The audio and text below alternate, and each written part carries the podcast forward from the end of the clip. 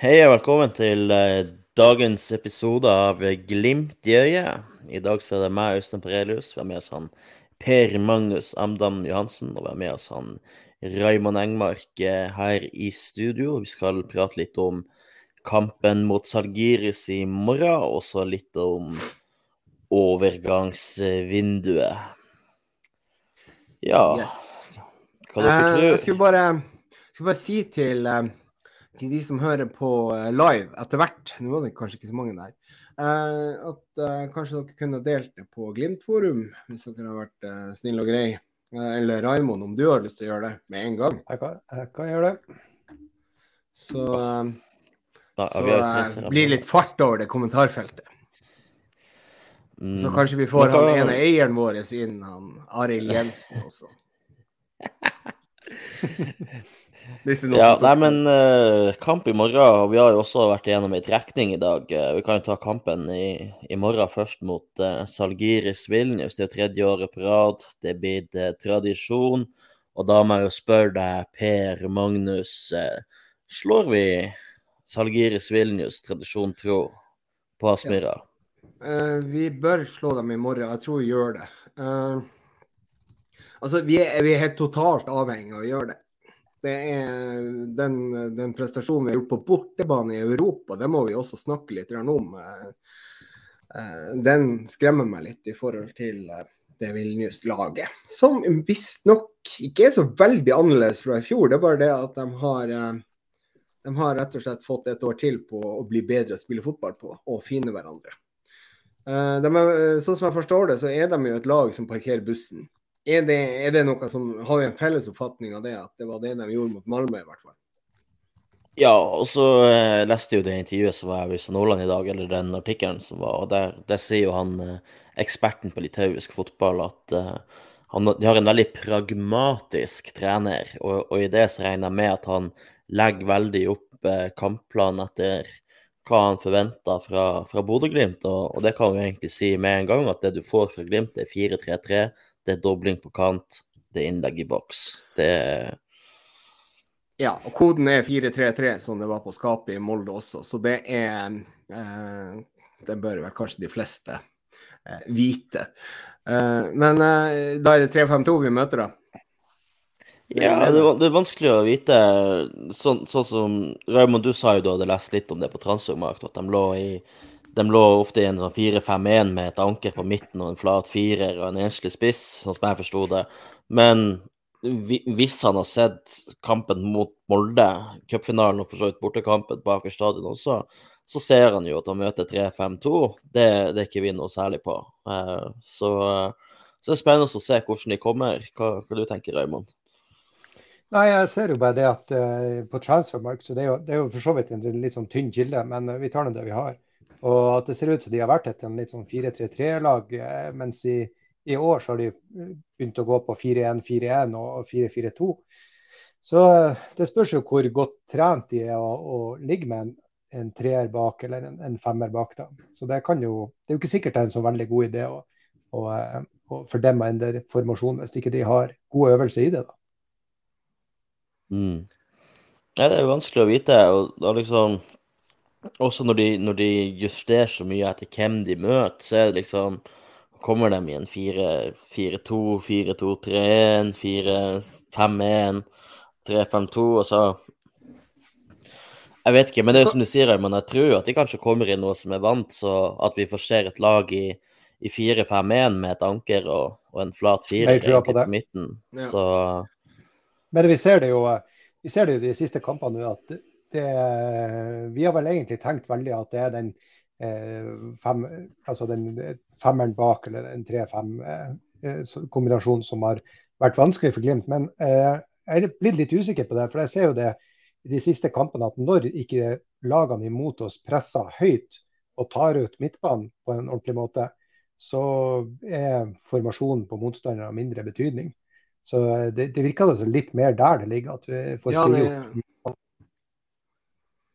det høres eh, egentlig riktig ut. Det, det har liksom ikke så veldig mye med den formasjonen å gjøre. Det har liksom med hva de kommer med. Og de kan jo også ta oss, ikke sant. Det her med å vri Nå har jo ikke jeg sett den kampen, Sjalgiris-Malmö, men uh, vrir du mot Glimt, vrir du spillet mot Glimt, så, uh, så, kan du skape ganske store muligheter. Det jeg, så det, jeg så de høydepunktene bare. Har dere ja. sett de mot Malmö? Og der ser det jo ut som Malmö ser jo ut som et fryktelig mye bedre fotballag enn Salgiris. Mens uh, Salgiris har enkeltmannsprestasjoner som kanskje var bedre. Men du ser jo Malmö er, har jo et flust av sjanser. Ja. Jeg må bare svare på, eh, på spørsmålet til Tom. Eh, Fiskehippie. Ja, uh, Ulrik Saltnes er klar for spill. Og her er Ulrik Saltnes sitt uh, hårbånd. Det er på i dag, fordi at håret også holder seg under øynene. Så, så da velger jeg å ikke ta caps som Øystein har tatt i dag. Ja, rett og slett fordi jeg ikke har dusja i dag, så bare gjem det bort. Nei, men altså men, men, jeg lurer på nå må jo jeg, det er nå jeg skal innrømme at jeg ikke har gjort eh, god nok research. Eh. Nei, skal vi innrømme hva vi, hva vi egentlig har avtalt her? Skal vi gjøre det? det? det? er jo, vi må jo bare krype til korset. Det var jo Aleksander som skulle gjøre den researchen her. Han kunne ikke møte. Så, nei da, men, men, uh, men in all fairness, vi, vi, mye vet vi jo hva Vi er jo veldig heldige der som har møtt det tidligere. Ja. Vi vet jo ja. sånn sett mye mer om det laget her enn de andre lagene vi møter, kanskje med unntak av Roma. da, så. Men da må jeg stille spørsmål. ikke sant? Altså, alle får eh, altså de her ekspertene. Trond Olsen, Stian Høgland, og alle får liksom spørsmålet hvem vil du møte? Joakim Kildahl? Jo, den vil møte Malmö. Nå er jo ikke Joakim Kildahl noe utprega Glimt-supporter, men jeg føler jo at Trond i hvert fall er det. Eh, og da er det jo liksom sånn at Malmö er jo et sterkere lag enn Sjalgiris. Og Kjetil Knutsen var ganske klar på hvem han ville møte, det var Sjalgiris. Selv om at de har tatt noen steg og sånne ting, så, eh, så er det et eh, sam, samla dårligere fotballag enn eh, en Sveriges stolthet, altså seriemesteren i fjor i, Mal i eh, Sverige, Malmö. Og eh, sånn trøkkmessig på tribunen, så tror jeg også det hadde vært verre i Sverige osv. Så, videre. så eh, så ja, jeg også... har jo veldig, veldig lite tilskuere på kampene sine, hvis det, hvis det stemmer, de, de kildene jeg har funnet. Så. Ja. Så, det kan så jo hende det tar liksom... sjokk mot Glimt. Men... Ja. Eh, Nå er det jo ikke det basketlaget vi skal møte, det er jo da det andre Sjalgiris-laget. Vi har jo spilt mm. eh, hvor mange kamper mot Sjalgiris eh, fra før, men eh, det var nå kun Sjalgiris først, var ikke det? Jo, men det her er tredje ja. gangen vi møter Salgiris Vilnius. Tredje ja. året på rad. Så, eh, så, jo da, vi vet jo litt hva, hva vi møter. Og, og, jeg tror i fjor de spilte 4-2-3-1, men om det er i år en 4-5-1, så, så, er det jo mye i prinsippet det samme, da. Altså de har kanskje bare flytta egentlig Altså det blir jo fort 4-3-3 når de er i angrep, og, og vi også ligger jo i uh,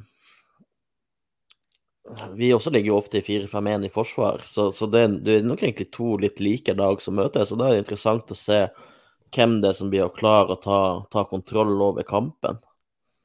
Men sånn sett ser du da på Malmö at, at uh, bare på de høydepunktene at hvor mye sjanser de skaper. Og så, altså det er jo en der corneren til Malmö at de, de dribler seg fra corner, kort corner, dribler seg inn i, i feltet og skaper en, en farlig sjanse på det. Så det virker sånn individuelt eh, i forsvar, så virker det ikke som en sylkvass heller, Žalgiris. Og, eh, og, så er det jo det, jeg vil jo nevne det at to, de to målene i siste kampen for, mot Malmö der, så er det jo det ene det er jo, en, det er jo et hardt, hardt, innlegg fra kort avstand eh, som en for, forsvarer til Malmö klarerer liksom ut på femmeteren. så eh, det, det, er litt vanskelig, for han kommer knallhardt. Men det er jo den siste plassen han skal klarere han til. Og det andre er jo et, er jo et slags brudd. og og de får en lang ball i, i bakrom mot en vanvittig rask ving eller spiss. Eh, og der ligger jo, der ligger jo Malmö altså De har tid å falle av, men de, de står veldig skjevt. Sånn, ja, skjevt i forsvar, så det de blir for lang avstand for å få skjøvet han ut. så begge målene eh, mot, mot Malmö vil vinne noe irritert oss over hvis det var Glimt som, eh, som slapp det inn. Ja, og um, men allikevel så er det jo dem vi, vi skal jo møte Zalgiris, og det er jo det som Christian Paulsen sier, eh, helt riktig. De må hente elleve nye spillere i år. Eh, blant annet var det en argentiner. Mm. Eh, og, og det kan det være ikke sant, det, teknologi, hvis du skal si det sånn, eh, innenfor fotballens verden, eh, som eh, der enkeltmannsprestasjoner, som du også nevnte, Raymond, kan avgjøre. Være tunga på vektskåla, et jevnt oppgjør. Hvis ikke du klarer å sette sjansene dine. Og Det er jo det, liksom det som jeg liksom tenker litt på. Nå har Viktor signert for Groningen. Hvordan sier vi det? Nei, han har signert for Sant Guillons. Nei, ja, sant. Ja, det var enda verre. Hva var det? Sant Guillon eller noe sånt. Det, Sant Guillon. det er fransk. Ja. Jeg vet ikke om det var manipulert, eller om de faktisk hadde ei gate i byen som eh, heter et eller annet eh, Boniface. Jeg så det på noen video de har lagt ut. Så det er noe som juksa til, eller om de faktisk har det. Så, Boniface være godt. Strasse. eh, ja, det var noe sånt. Mm. Så det var godt for egoet hvis det eksisterer. Det er jo helt nydelig. Tenk å få en gate Mm. med en gang der. Det, det, det er fantastisk. Men uansett. Boniface han er historie. Han er ikke Glimt-spiller lenger.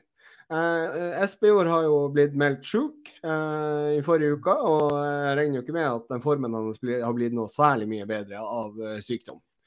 Eh, ikke det at den var god fra før av, men han hadde jo en liten sånn oppvåkning i det her oppgjøret mot eh, Linfield. Da. det er hvor han får det var to mål. Eh, men da er det jo da egentlig bare ett valg hvis du Ja, du har nå to, da. Eh, Nordås og, eh, og uh, Salvesen. Skal vi starte med Salvesen mot uh, mot Sjalgiris i morgen? Ja. Jeg, jeg er innstilt på at det blir, eh, blir Salvesen. Mm. Glimt har jo registrert både Faye Lund og, og Salvesen til, til stallen, som de to de kunne etterregistrert i denne runden her. Eh, det er også de to vi har henta nå, eller vi har jo henta flere, da. Nå gangsvinduet åpna, vi har henta han Cluj og han eh, Sugelli også, men, men de her to er på en måte de, de to som har bevisst at de leverer på høyt, eh, stabilt eliteserienivå, og så er det også i, i posisjoner vi trenger. For jeg har jo sittet med Markus Andersen på, på benken eh, etter at han Smits dro, så skal det sies til han er to som eh, nyankomne som ikke er registrert. Der er sier Knutsen at han ene er ikke klar for å spille sånn. Han er ikke inn, inne i laget ennå. Og den andre har vært brukt i, i Europacup i, i år, som kan ikke registreres de kampene der. Så det er da grunnen til at for det, vi har egentlig tre plasser, plasser til disposisjon. Vi har brukt to ut av dem. ja. Ja. Og Eh, nå, eh, nå er det for seint også å registrere noen nye, for det, er under 24 timer til kamp. Så Ja. Men uansett, skal vi, ta, skal vi gå over til uh, litt på overgang uh, nå? Uh, for det at du nevnte Du kaller han for Sugell. Jeg, Mm. har Nå hørte jeg på noen YouTube-videoer, og da var det Sjugel. Sjugel, OK, ja. Ja, det litt lettere å si det enn Sjugel. Eh, Nino Sjogel. Um, og, og da jeg var jo ikke, altså snart Når du setter sammen YouTube-videoer for spillere, så er det jo da normalt sett at du får se ganske mye positivt. Har dere sett de YouTube-videoene? Ja, jeg har sett noen av de. Eh, Han ser jo ut som at han er en spiller med, med bra tempo, bra nærteknikk og, og egentlig et OK langskudd også. Eh, Ja. Men, eh, men jeg har ikke sett så mye tendenser til det der link-up-spillet kanskje som vi har etterlatt, sånn som etter, etterlyst. da. For vi, vi er jo veldig fan av det Vuka gjør, og det Sinkel gjorde uh, som, som tilretteleggere på kanten også. Uh, så det Etter, etter Dane Richards så, så slutta jeg å se de videoene der. når vi Ja, Ja, men altså, klart, du, du, jo du, du kan jo lage hva du vil på YouTube. Jeg var ikke videre imponert over en sånn video når du vet at du kan lage hva du vil på YouTube. Men allikevel så ser jeg jo det akkurat det som du sier, Øystein. Jeg tror vi har en liten jobb, vei å gå på akkurat det her med å legge ballen til en bedre plassert spiller.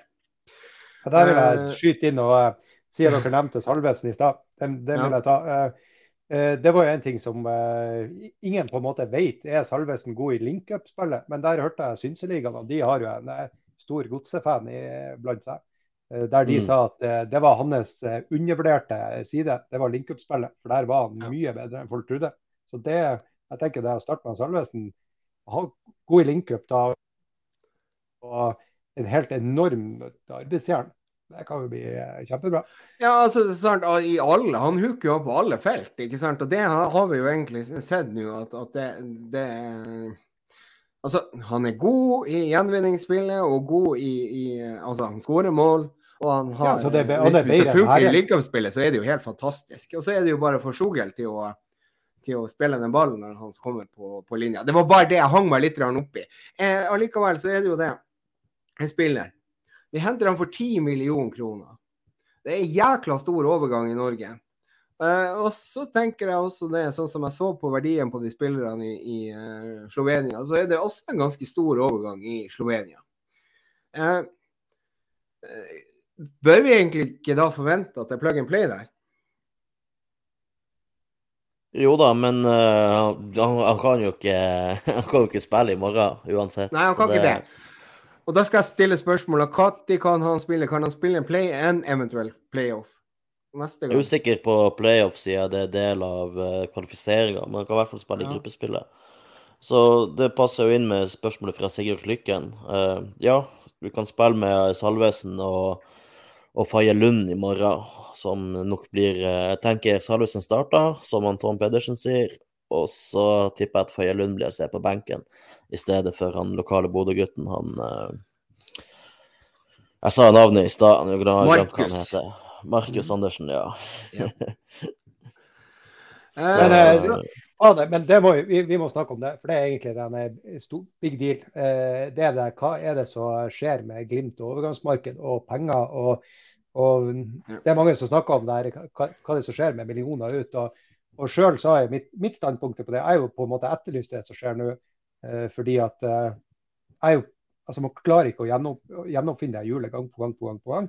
Så der Og så skal liksom klare å, å hente inn Obo-spillere år etter år etter år og, og få de til å erstatte det tar liksom store signeringer til utlandet. Eh, det blir ikke gå i lengden. Så det, det, her må vi på en måte gjøre hvis vi skal klare å Eller i hvert fall hvis vi ikke skal risikere vel, spille et høyt spill, men det her med å risikere Europacup. F.eks. at i år kunne vi ha ramla ut hvis, har, hvis prestasjonene har falt enda litt mer. Eh, og Det vil jo være et skudd i baugen i forhold til, til fremtida til, til, klubben i den situasjonen vi er i nå. Så, eh, men eh, på den andre sida ser det seg når vi begynner å snakke om 13 millioner fra Christian Eriksen, da, da er jeg liksom kommet opp der at jeg tenkte oi, det her var kanskje litt i meste laget. Ja, det var vel 15 til slutt, da. Ja.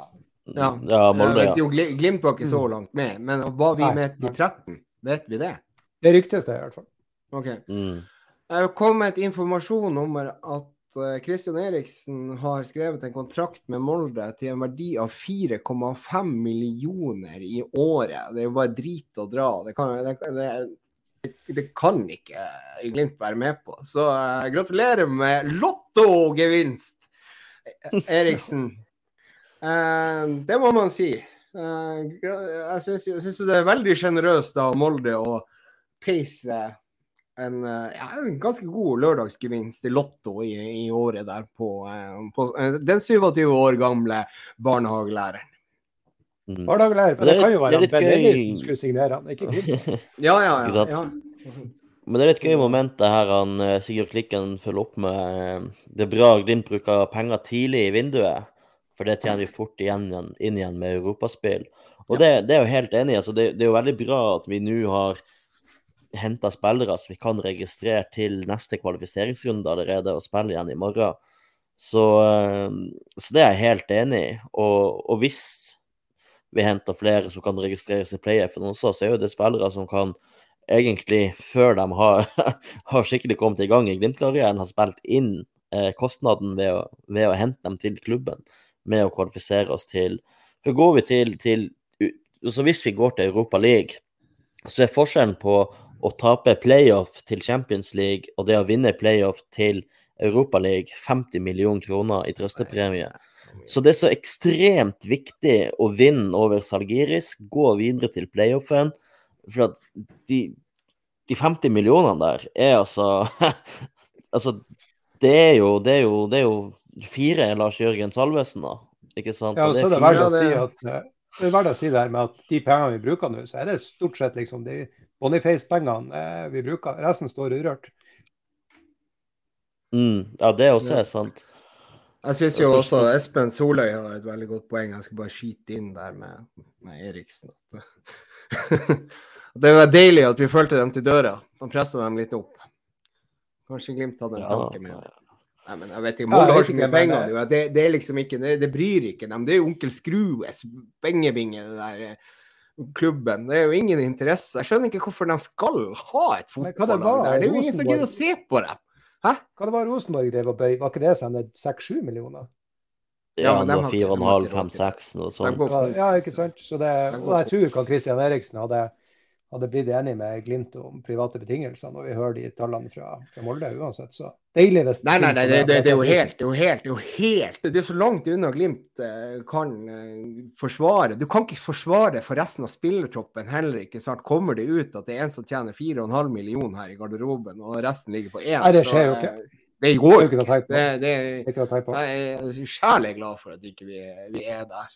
Uh, mm. Men men allikevel så er det jo det at at jeg, jeg, jeg, Christian Paulsen stilte meg spørsmål på, på, privat melding, eller på PM, er mitt navn, eh, om den nye innkjøpspolitikken. og eh, litt sånn, Jeg var litt bekymra for at vi hiver millioner hit og dit. Men Raymond har et veldig godt poeng. at Du, du klarer ikke å erstatte klassespillere med talent hver eneste sesong. Ikke sant? Vi har mista så sinnssykt. Tenk på det laget som vi har mista, hvis, hvis, dere går hjem med alle de spillerne. Vi orker ikke å ramse dem opp, men det sitter de fleste her inne med. Og Hvis vi skal være med i toppen av Eliteserien og spille i Europa, så er vi nødt til å erstatte kvalitet med ja, i hvert fall tilnærma kvalitet. Vi at vi bomma regelrett, det kan vi jo si, at vi bomma i overgangsvinnet i januar. Det er ingen av de spillerne som vi signerte i januar, som har levd opp til nivået til de de skulle i utgangspunktet erstatte. Kan vi være enige om det? Det kan vi være enige om. Men, men, er det noe men... som er veldig nært her? Nei, det er ikke det. Men, men, det som er interessant å si, er jo Ja, Bris er, Bris er for sett og vis ikke kjempelangt unna. Men, men, det som er interessant, er jo at hvis vi hadde gjort opp status i 2018 på nyttårsaften 2018 så hadde vi jo sagt at alle overgangene i 2018 er jo drit og møkk og ræva og bare å hiv, hiv på Vestfjorden. Ja, hvem er det sinkelnagel? Hva han tror Hvem er det, hvem er det Sinkernagel for noen? Hvem er det Haiken? Altså faen, altså, ja. ikke sant? Har han noen gang stått i mål før? ikke sant? Og, og nå er det Vi vet alle sammen hva sinkelnagel gjorde i 2020. Vi vet hva, hva Haiken har betydd for oss i fjor og i år. Så selv om det er tidlig å kaste en dom over de spillerne vi har henta i 2020, så, så, må det jo være lov å si at de har jo ikke, de har jo ikke levert. Altså, det er jo Men eh, det så vi på den forrige, eller den poden vi hadde med, med overgangsvinduet sist. Ja. Det var jo det at eh, vi satt jo igjen på et inntrykk at hvis de skulle ha dømt 2018-signeringene i første, første 2019, så hadde det vært dårlig. Og det samme med 2019 i 2020. ikke sant? Så det, det tar tid mm. før de blir gode. Ja. Så men med de summene de, eh, de investerer nå, så, så, blir det jo også en annen forventning. Fordi de kan ikke skal, skal, det her også ta et år, så er det, eller et og et halvt år, så må de eh, da, da, da kan vi ikke forsvare å bruke 13 millioner på det lenger. Nei, men altså, vi har, vi har jo ikke tid til å kjøpe spillere til to millioner kroner heller. Sant? Og, og, og, og snart i forhold til det europacupspillet. Når, når Øystein nevner ikke sant, summen på 50 mil, eller 45, er det vel det? Eh, det er en årslønn til Eriksen imellom der. Eh, Men da, når du sier vi ikke har råd til det, så er det jo også betinga det også at de må fungere. De må fungere. Hvis, det, ja. hvis, ikke, så er det jo eh, hvis, det, hvis, ikke, så har vi jo på en måte ikke råd til å kjøpe dem. Ja, da blir det jo samme, mm. samme resultatet som enn vi kjøpte de, de to millionerskjøpene vi tidligere har gjort. Altså, så, og, det, og, det, er jo en bekymring, for at det tar jo eh, Vi må huske på det med Glimt. ikke sant? Det med Måten de spiller fotball på, intensiteten. Det, det, skal veldig godt gjøres for at de kan fungere fra første sekund. Men jeg, jeg er jo veldig spent på Salvesen. for at gjør ikke, gjør ikke han det, hvem skulle da gjøre det?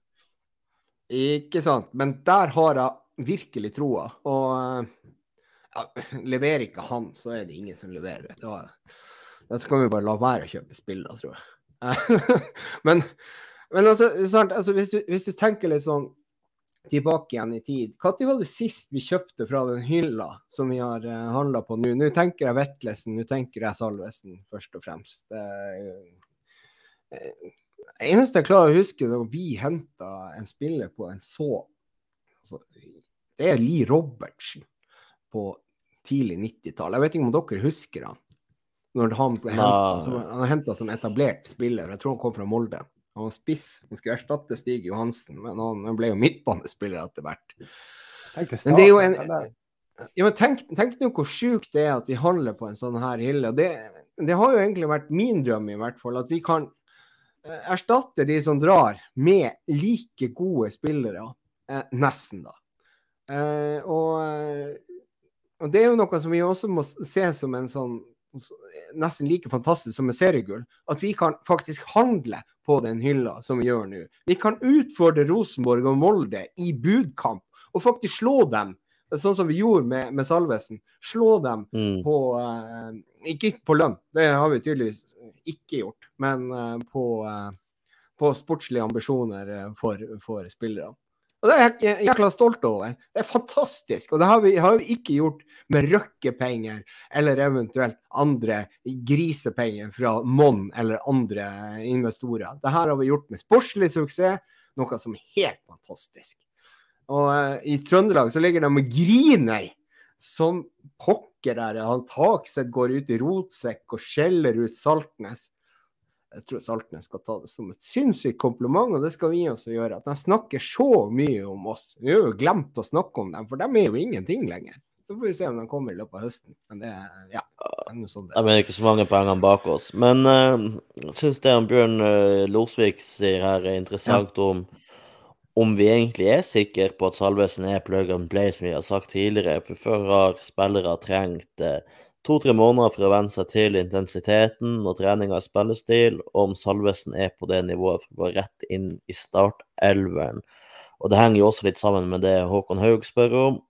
Hvem tror dere starter på topp i morgen, Salvesen eller Espejord?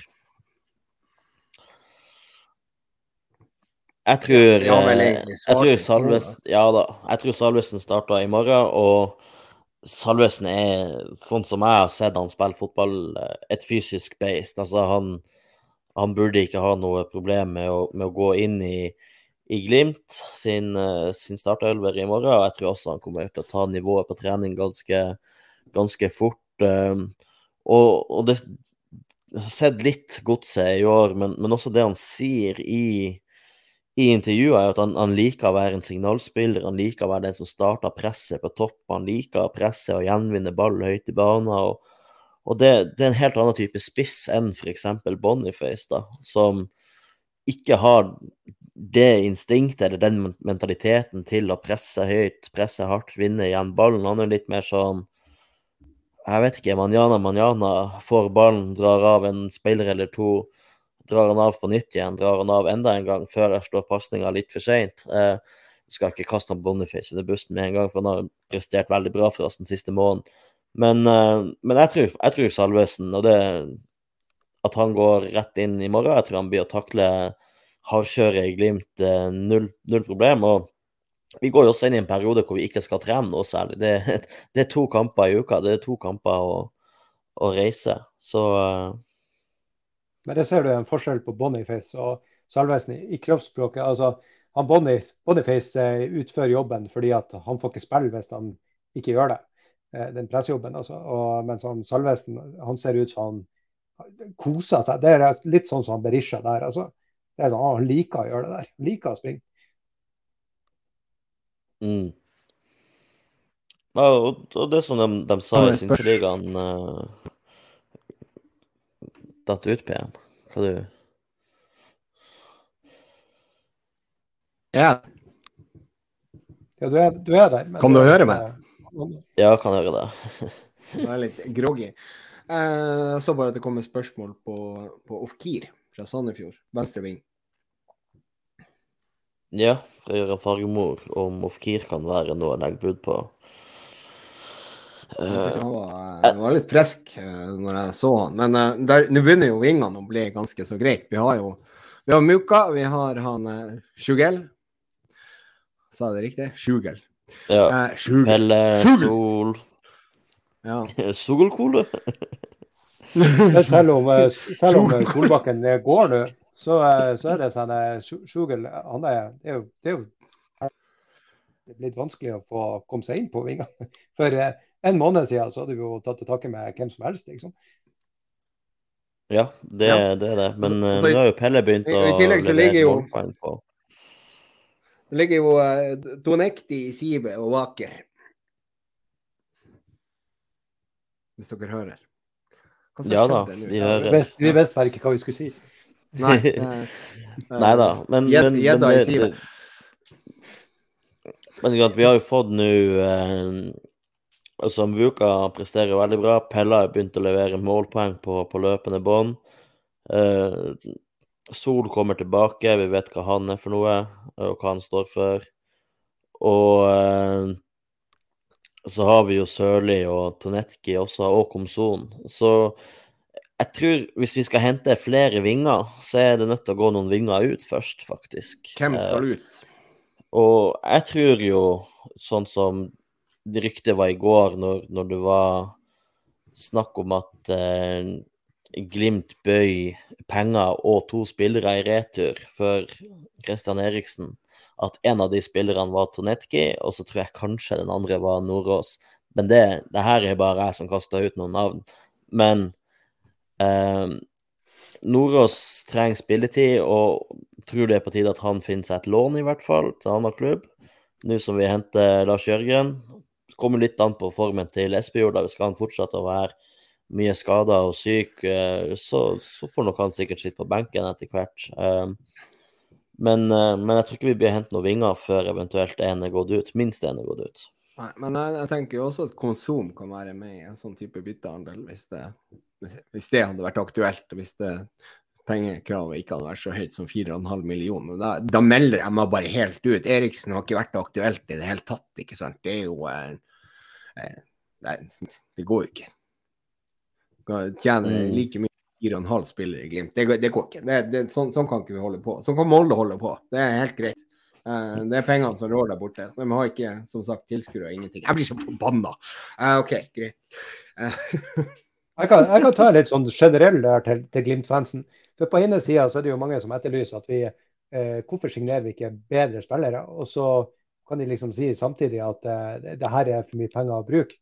Og da er det litt sånn eh, Man må bestemme seg litt hva man vil for noe oppi det. For at vi kan ikke både signere Eller det er i hvert fall veldig urealistisk å signere veldig gode spillere som andre klubber også ser imot, og, og samtidig få de billig. Eh, og verdien, verdien på norske spillere har gått opp. Eh, Det ser vi både ut ifra hva, hva Glimt og, og til dels andre lag klarer å selge til utlandet for.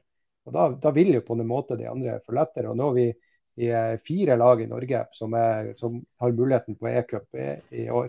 Det er klart Sånne ting gjør jo at, at norske spillere blir mer interessant for utlandet. Og, og da må vi konkurrere om det. Det er klart Salvesen han, er, han har jo vært lagt merke til i utlandet òg, selv om det kanskje ikke var noen konkrete bud akkurat der og da. Ja, det er, jo, det er jo akkurat det som er. at Vi går i konkurranse på de spillerne som, på den hylla som vi kjøper fra. Så går vi i konkurranse med Rodingen og alle de belgiske og nederlandske lagene. Vi går i konkurranse med Molde, vi går i konkurranse med Rosenborg. Da må vi Og forvente vi kan ikke konkurrere på lønn. Nei, ikke sant. Mm. Så, så det, vi kan jo ikke det. Ikke sant? Når du Jeg er bare helt målløs over den lønna. Jeg klarer ikke å komme- over det. Dere må snakke om noe annet. Men eh, ja, skal vi se her. Er det noe, er det noe mer i kommentarfeltet vi Vi har jo vært litt inne på, på Salvesen, og så er jo Antin i Torgersen er imponert over intensiviteten og, og gløden i spillestilen hans, hvor engasjert han var, og ja, holdt på å knuse innbytterbenken når han fikk en avgjørelse imot seg. Og det er fantastisk at de har kapra en så engasjert spiller. Um, og vi er også spent på hva han kan levere gult, Antony. og jeg er helt enig. altså Jeg tror, eh, jeg tror han er en plug and play-spiller, altså. Og det viktigste det her- er jo Ja, Jeg fortsetter. Raimond. Jeg kan ta, jeg kan ta eh, min mitraljøse etterpå. Ja, men eh, en ting er at en ting som kanskje ikke folk tenker så mye på, eller som vi snakker så mye om, det er jo det der med hva tilfører han i garderoben. Han slår meg jo som en fyr som eh, kan være en sånn ledestjerne i garderoben, som vi har mista i Patrick Berg og, og, og Bjørkan og Botheim og sånn. Så der tror jeg vi får et eh, enormt påfyll. Ja. Jeg tror egentlig også at uh, uten å være helt sikker, så kan det være at vi kvitter oss med en liten energistjeler uh, i Boniface. Og da har jeg ikke sagt noe mer enn det. Nei, nei, men det skal ikke, skal ikke krangle på det. Så har ikke jeg sagt Men- noe mer enn det heller. Nei, ikke sant. Men, eh, men jeg, kan, jeg kan si litt mer om det. Ja, det skal du. Det- Nei, nei, men la oss, la oss ta det han gjør på banen. Sånn, eh, Ja. Det var jo en av de siste to kampene der liksom han, han får en avslutningsmulighet. Han har fått flere, faktisk. Han hadde jo den der med Saltnes som, som står rett bak han, og kan bare slippe han videre. og sånn. Det gjelder en sånn, eh, Bonne- Kanskje må det være litt sånn når du skal være en god spiss, men, men samtidig så, så er det der at det er jo ikke han som er viktig for Bodø-Glimt. Det, det er jo Bodø-Glimt som er viktig for Bodø-Glimt. Og sånn er, vil det alltid være i, i det laget vårt. At uh, det er bedre med en litt dårlig spiss som gjør laget jævlig godt, enn hva en jævlig god spiss som gjør laget dårlig. Og det kommenterer jo alt av folk som kan fotball, kommenterer det når de ser Glimt-kampene. at vi hadde veldig vanskelig for Glimt-spillerne å lese hva Boniface skal gjøre. Blir han å slå i pasning, blir han å skyte, blir han å slippe, blir han å presse. Mm. Så jeg, jeg tror, det, tror det er litt sånn good riddance på, bare på det sportslige. Selv om det Man kan ikke snakke ned det sportslige på han. liksom Det her med, med enkeltmannsprestasjoner. Han er jo rå. En fette rå der. Men, Ja, men altså Allikevel så var han jo bedre enn Espe gjorde, og det må vi jo også huske på. Så eh, hvis Boniface fortsatt hadde vært i klubben, så ville det jo utvilsomt vært Boniface som hadde starta mot, eh, eh, mot Salgiris i morgen. Eh, hvis ikke vi hadde Salvesen. Så, eh, så, så, så ille har det jo ikke vært sånn rent på banen, men eh, det er veldig viktig det der at du, at du får inn en spiller som spiller for laget, og som ikke spiller for seg sjøl. og eh, ja. Og det blir- Men den siste seriekampen du måtte Åh, hva det var vi spilte mot til sist? Det var Jerv. Ålesund. eh, Ålesund. Ålesund Herregud, jeg var? Ja, men da Ja, det er fort gjort å glemme så mye kamper på rekke og rad. Men, men da hadde jo Boniface hadde jo blitt den store syndebukken, hadde Ålesund klart å få 2-2 på oss. For det er jo som, han er jo involvert i så mye sjanser som han bør sette. Mm. Han trenger jo ikke å prøve å sette noe til krysset, den som går stang ut. Og så kan vi jo vel kanskje innrømme at han eh, hadde en eh, liten handball ganske tidlig i Mm. Ja da, Ja da. det Vi trenger ikke å snakke så høyt om det, men det, det skjedde. Det skjedde. Ja. Men nå nå er jo Boniface eh, historie. Eh, og da er det jo Jan Ivar Jacobsen som spør. Ingen Eriksen. Er det andre på samme hylle vi kan prøve å få? Mikkelsen, Hove etc. Og hva er tidsfristen for å kunne spille e-cup? Igjen så er det litt som å spille CM, det her. For det her er en hylle som vi ikke har handla på før, og de navnene der dukker opp som et naturlig valg på Glimt. Det er jo helt sjukt å, å, å tenke på. Eh, altså, jeg vet jo Stian har satt opp HV som et, eh, som et wildcard. Og Glimt har pengene. Vi vet jo at Godset har lyst til å selge. Men så, så er det spørsmålet Han har vel kort igjen kontrakt nå, kan jeg? Ja, men vi blir jo hijacka av en uh, belgisk eller en, uh, en moldisk klubb. Moldisk. Ja. Nei, men uh, jeg har Er det i Sarpsborg han er, han der Saletros? Han, han kan jeg ha litt trua på, men Ja, Saletros har vært i- Han er kanskje mer en, en anker enn indreløper. Det er kanskje mest på eller Vi trenger kanskje forsterkning på, på ankerplassen òg, for så vidt. eh, og der er jo spørsmålet hvor, hvor er vettet i løypa, egentlig? Han var jo veldig god før sesongen, eller helt i begynnelsen, i den kampen mot Lillestrøm på hjemmebane. Vi vinner 4-1 i cupen i kvartfinalen. Og, og jeg syns jo du ser prov på at han er en ekstremt god fotballspiller, men er kroppen eh, i stand til å levere det den, den må på den sentrale til, eh, til Glimt? Ja, så som vi snakka om i forrige pod, så har det vært rykter om at kanskje ikke det her mentale har vært 100% på plass. At han eh, Ikke sant. Eh, at han ikke har vært helt i skoen og sagt at han har lyst til å spille. Han har, eh, han har annet ikke sagt at han var på oppvarming, testa seg nå, var ikke klar, sier han. Ikke sant? Og en du skal si Ulrik Saltnes, hvis han er på oppvarming og uh, har knukket foten, så tror jeg han kan, kanskje kan finne på å si at jeg er klar for å spille. Så, så er, det ligger litt i det her, her at, uh, at uh, Vetti mm. må ta opp hansken og bare Nå skal jeg ta den plassen. Og, og det får gjøre, gjør så vondt som bare vil. Uh, altså, han skal selvfølgelig ikke spille skada, men dere vet hvor jeg vil hen. Men det er litt sånn at, dere ja. si til fordel Hagen at jeg tror jo Jeg har aldri hørt noe annet enn at han er med på stort sett alt. Ja. Ja, ja han er med på alt. Mm. Bare skyt inn her fra Christian Paulsen også at uh, Saletros uh, har bare kontrakt ut sesongen også. Ja, det, det, er jo veldig interessant. Det er kjempeinteressant. Da... Jeg, vet, jeg, vet, at Glimt har vært på den ballen der, og det er ikke sikkert at den er død. Um, så uh, så kanskje vi får se en uh, Er han greker? Han svensk. Ja, han er svensk. Svensk okay. Ja, svensk og, svensk og dobbelt statsborgerskap. Jeg husker ikke det andre. Er det Hellas? Ja. Nei, det tror jeg ikke det var. Det var noe sånt Kosovo, Kosovo eller Kypros eller jeg vet ikke. Kypros. Enda bedre. Kjør på venstre side av veien, begge landene nesten. Ja, bra. Men gutta, skal vi, ja. I og med at vi står midt i det her nå, så har vi tenkt vi skulle kjøre en sånn konkurranse oss imellom. Og, vi det hadde vært artig også om eh, de som følger med på den, eh, kan prøve seg på den. Ja. Eh, vi gjetter på spillere ut. Eh, første, andre, tredje valg. Og spillere inn. Første, andre, tredje valg. Og det er uh, Augusts gjennombrudd i Glimt. Og da tenker jeg jo sånn, Akkurat nå kan vi ta den spillere inn, bare for å bidra litt i diskusjonen også på det her. Ja. Da er det altså tre poeng for førstevalget, og to poeng for andrevalget og ett poeng for tredjevalget. Skal vi se hvem som får mest stille... rett når august er over. Da skal jeg stille de dumme spørsmålene. Er det en, eh, det, no, du får tre poeng for den du tror mest på. Er det det det ja. Hvis han blir signert, ja. ja. Skjønner. Og så en siste. Kan, eh, de, de, spillerne inn de kan ikke ha vært eh, skrevet om Altså media kan ikke ha vært og lukta på det. Så ja, men Saletros har ingen skrevet om. Nei, nei, nei. nei. nei bare Christian Paulsen. Da hadde han på lista. Hodet nå blir å skrive ned i morgen, vet du. Ja, da sliter jo jeg, for jeg hadde jo uh, Christian Eriksen på min liste. Men jeg kanskje bare bytte plass med, med Saletrios, da, kanskje. hvem, hvem dere har på Ikke snakk mer her. Okay. Øystein, skal du ta dine tre først? Ja, det får ja, uh, Ikke lov å ta det samme heller nå, kanskje? Jo da, det, det er lov. Uh, jeg har lyst på, på Mikkelsen inn. August Mikkelsen fra Tromsø. Ja, du tror han først? Har du han på tre poeng?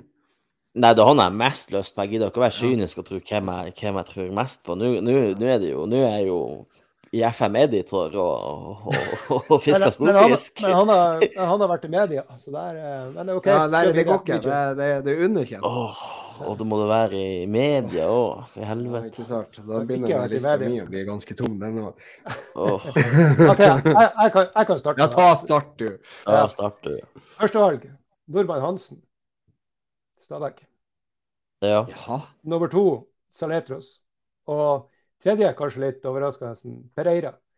Eh, tror det er en spiller som har jævlig lyst på et nytt utenlandseventyr. For rett sum så tror jeg faktisk Rosenborg kan være villig til å selge. Hva du tror den rette summen er? Jeg, jeg tipper vi må lukte på sånn ti millioner rundt omkring der, tenker jeg.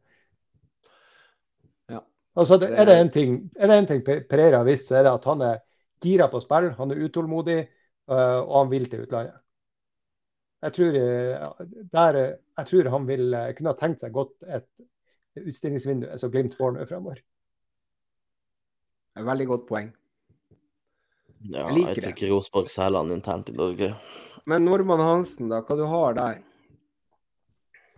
Jeg har egentlig ingenting der. Eh, bortsett fra at både han og Saletros har kontrakt ut, ut året, bare. Skal vi si at han, han er indreløper, hvordan sier jeg? Han er vel, spiller vel Ving på begge sidene, mener jeg på. Jeg kan primært sett venstre han har spilt. Er det ving? Sånn, sånn. Er ikke det indreløper? Jeg mener han, var, han har vært en del, en del helt ut på kanten der, ja. OK. Ja, der har du jo da Vetlesen som kan eh, lage litt magi. Og hvem var den siste på lista? Nå forsvant han ut der. Han trykka seg sjøl ut. Ja, det var jo en veldig interessant liste, det der. Eh, Nordmann Williamsen, var ikke det Pereira og Saletros? Saletros på andreplass. Ja, Jeg er enig i det Tom Pedersen sier. Uh, Pereira har nok for høyt lønnskrav. Uh, Ja, det har han. når, du vet, uh, når du vet hva lønnstaket på Glimt ligger rett, rett rundt million uh, før eventuelle bonuser, så, så tror jeg ikke han Han går nok ikke til Glimt. Det Ja, men altså, jeg bare tenker litt sånn, litt sånn Salvesen der. Hva Tror dere han har eh, samme lønna som de andre spillerne? Nå skal ikke vi lage noen oppstandelse her, men tror dere han Ja. har litt mer? Nei, han går inn i lønnsstrukturen til Glimt. Ja, og han hadde lyst til å dra til Glimt, så det Ja. Ja. Jeg vet ikke om dere hørte det, men venstre, venstre indreløper, eh, offensiv midt og venstre ving på Nordmann Hansen. mm. ja. Spennende. Jeg syns den lista der er god, eh, Raymond. Eh, den, den, den, Men eh, har dere lyst til å kjøre dere, så får vi bare drite litt i at det er litt sånn eh, media eh, For jeg, jeg hadde i utgangspunktet også eh, Eriksen der, så, men jeg er jo glad han forsvant ut. for det hadde jo ikke ja, hvem du hadde som Hvem du har da litt sånn i, i vakuum, som har vært nevnt i media? Nei, det var jo kanskje mest, mest han Eriksen, og, og for så vidt av August Mikkelsen òg. Men så så jeg han har prata med Knutsen og virka ikke å være overbevist. Så det ser jo ikke så, ser ikke så lovende ut på han, tenker jeg. Riktig. ja nei, Men, men, August eh, Mikkelsen er vel også litt ute av det nå. Ja, så, hvor du skulle plassert han? Skulle du plassert han på midtbanen som indreløper, da? Nei, Det var noen som sa det, at, eh, og det er jo for så vidt sant, at eh, eh, han er jo der uh, Sinkernagel var. I 19 blir det det. Der er jo Mm. Mikkelsen nå. Mm. Så den syns jeg var et veldig godt poeng. Han er nier, ja. Nei, men det er jo Og så er det jo Ja. utvilsomt et eh, teknisk vidunder. Mm. Teknikk som vi har lyst på. Øystein, skal du ta, eller skal jeg ta? Nei, jeg kan ta, jeg. Ja. Det er Mikkelsen, Saletros og Møller Wolfe, da, som blir mine tre. Så det er jo indreløper, anker og venstreback til går i. Det... Ja. Jeg tror Mikkelsen kan Salaiteros er jo veldig fremsnakka av andre spillere, har jeg lagt merke til. Når de ble spurt eh, han, eh, Tripic ble spurt hva den beste spilleren i Eliteserien er, så, sa, så sier han eh, Saletros. mm. ja. Enn du, PM? Har du Nei, Altså, jeg hadde Saletros har jeg tenkt på. Og Glimt har vært i kontakt med han før.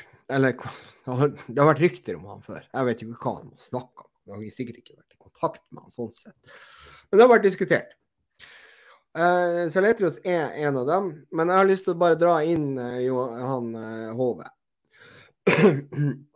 Åpenbart uh, Altså, jeg kommer ikke til å vinne den, tror jeg. Men eh, jeg setter han opp på eh, den der eh, nummer Etterpå ett poeng. Og så skulle jeg eh, ha en venstreback inn der.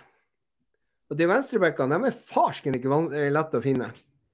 Og hvor skal du finne den hen? Da må du begynne å lete etter eh, venstrebacker rundt omkring i Tsjekkia, Slovenia, eh, Slovakia. Eh, jeg tror Dan Danmark er gjennomsøkt. Kanskje du skal gå i tysk eh, tredje divisjon. Mokkenhout, f.eks. Altså en sånn type signering. Altså, eh, der begynner det å bli tomt. Så det eneste som er alternativet der, det er å, pegge, å dunke, som du sier, Øystein Parelis, ti millioner i bordet til Brann for å kjøpe eh, Wolfe. Eh, Ti millioner kroner igjen! Er han verdt det? Ikke sant? Altså, da, er- da er FM god å ha, sier Tom Pedersen.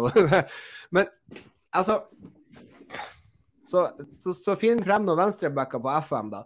Men, men eh, altså, jeg tenker jo at det kommer inn en eh, sånn type type eh, østeuropeisk, midt, midteuropeisk spiller, altså mellomeuropeisk spiller som, som vi ikke har hørt om før på venstrebenken. Åpenbart, vi må ha venstreback, ellers har jo Glimt trynt i det overgangsvinduet til de grader. Og vi vet at vi var jækla nært han uh, Mette. Men eh, han valgte da å gå for å sitte på benken i Groningen i eh, tre-fire år. I, med samme lønn som Eriksen får i Molde. Eh, og, og, og da eh, og da blir det lista mi, da Hva var det jeg sa? Hvem som stått på ett poeng, da? Husker dere det? Jeg jo å Nei. spole tilbake. Ja, jeg må spole. Hva, Nei, men hva det er Saletros? Saletros.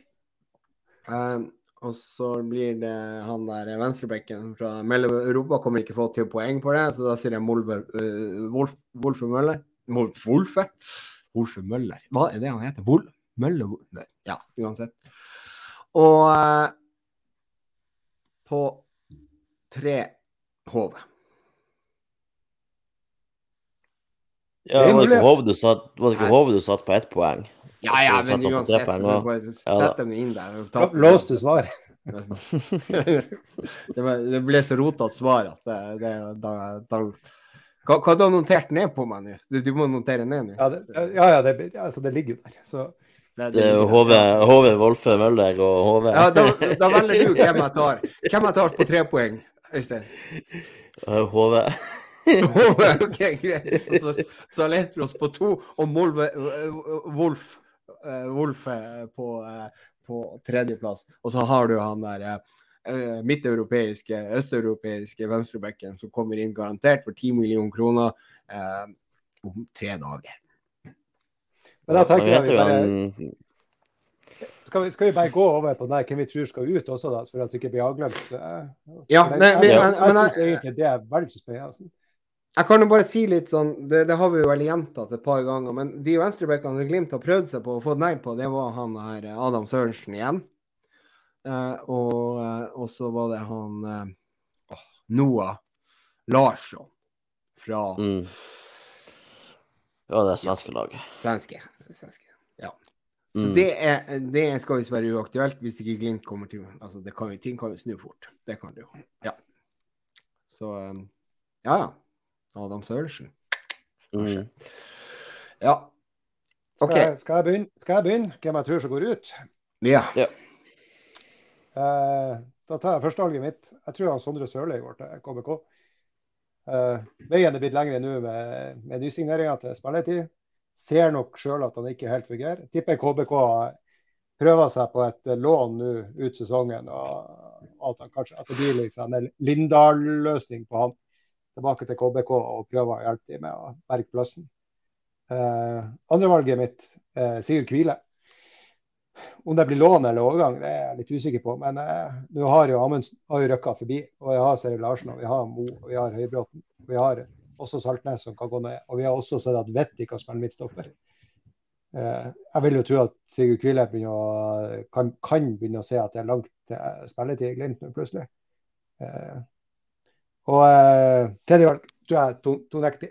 Det går til Skulle ikke forundre meg om han havner tilbake i Tromsdalen eller noe sånt, bare for å få, få sparka i gang karrieren. Ut ifra det som har vært kommunisert fra Glimt, så, så virker det jo ikke sånn at han er Det virker som han han har litt sånn eh, Han har litt mer overbevisning enn hva han kanskje burde, burde trenge å gjøre. ja. Mm. Øystein, Jeg ser Håkon Haug inn enig med det der, at det kunne vært eh, fornuftig for, uh, for Sørli å å gjort nettopp det. Um, jeg har jo tenkt uh, i, i utlånsbanene, jeg da, på hvem som skal Ja, men skal vi si at det er det samme, da? Ja, det er lov. Det er, jo, ofte, det er jo ut. ofte blir det jo utlån, og så går det jo etter hvert. da. Ja, nei, for jeg har tenkt uh, Nordås på lån ut. Det er noen som, som trenger en spiss som kan skåre noen mål, og jeg mener jo Lasse Nordås er et eh, veldig stort spisstalent. Eh, som flere på nedre halvdel av Eliteserien eh, kunne hatt eh, godt av og gått rett inn i startelven på. Eh, og så tror jeg Tonetki går. Der er jeg usikker på om, det, om, det, om, om jeg vil si lån eller overgang. Men eh, jeg tror Tonetki nok drar. Um, og så eh, siste, det må jo være en, eh, en ut eh, Skal vi se Nå er jo, nå er Boniface som var på den lista, akkurat gått. Um, det var veldig lett. Um, nei, jeg hiver inn en joker der. Jeg tror uh, Komson kanskje kan, kan finne andre jaktmarkeder. Der tok det jo. Mm.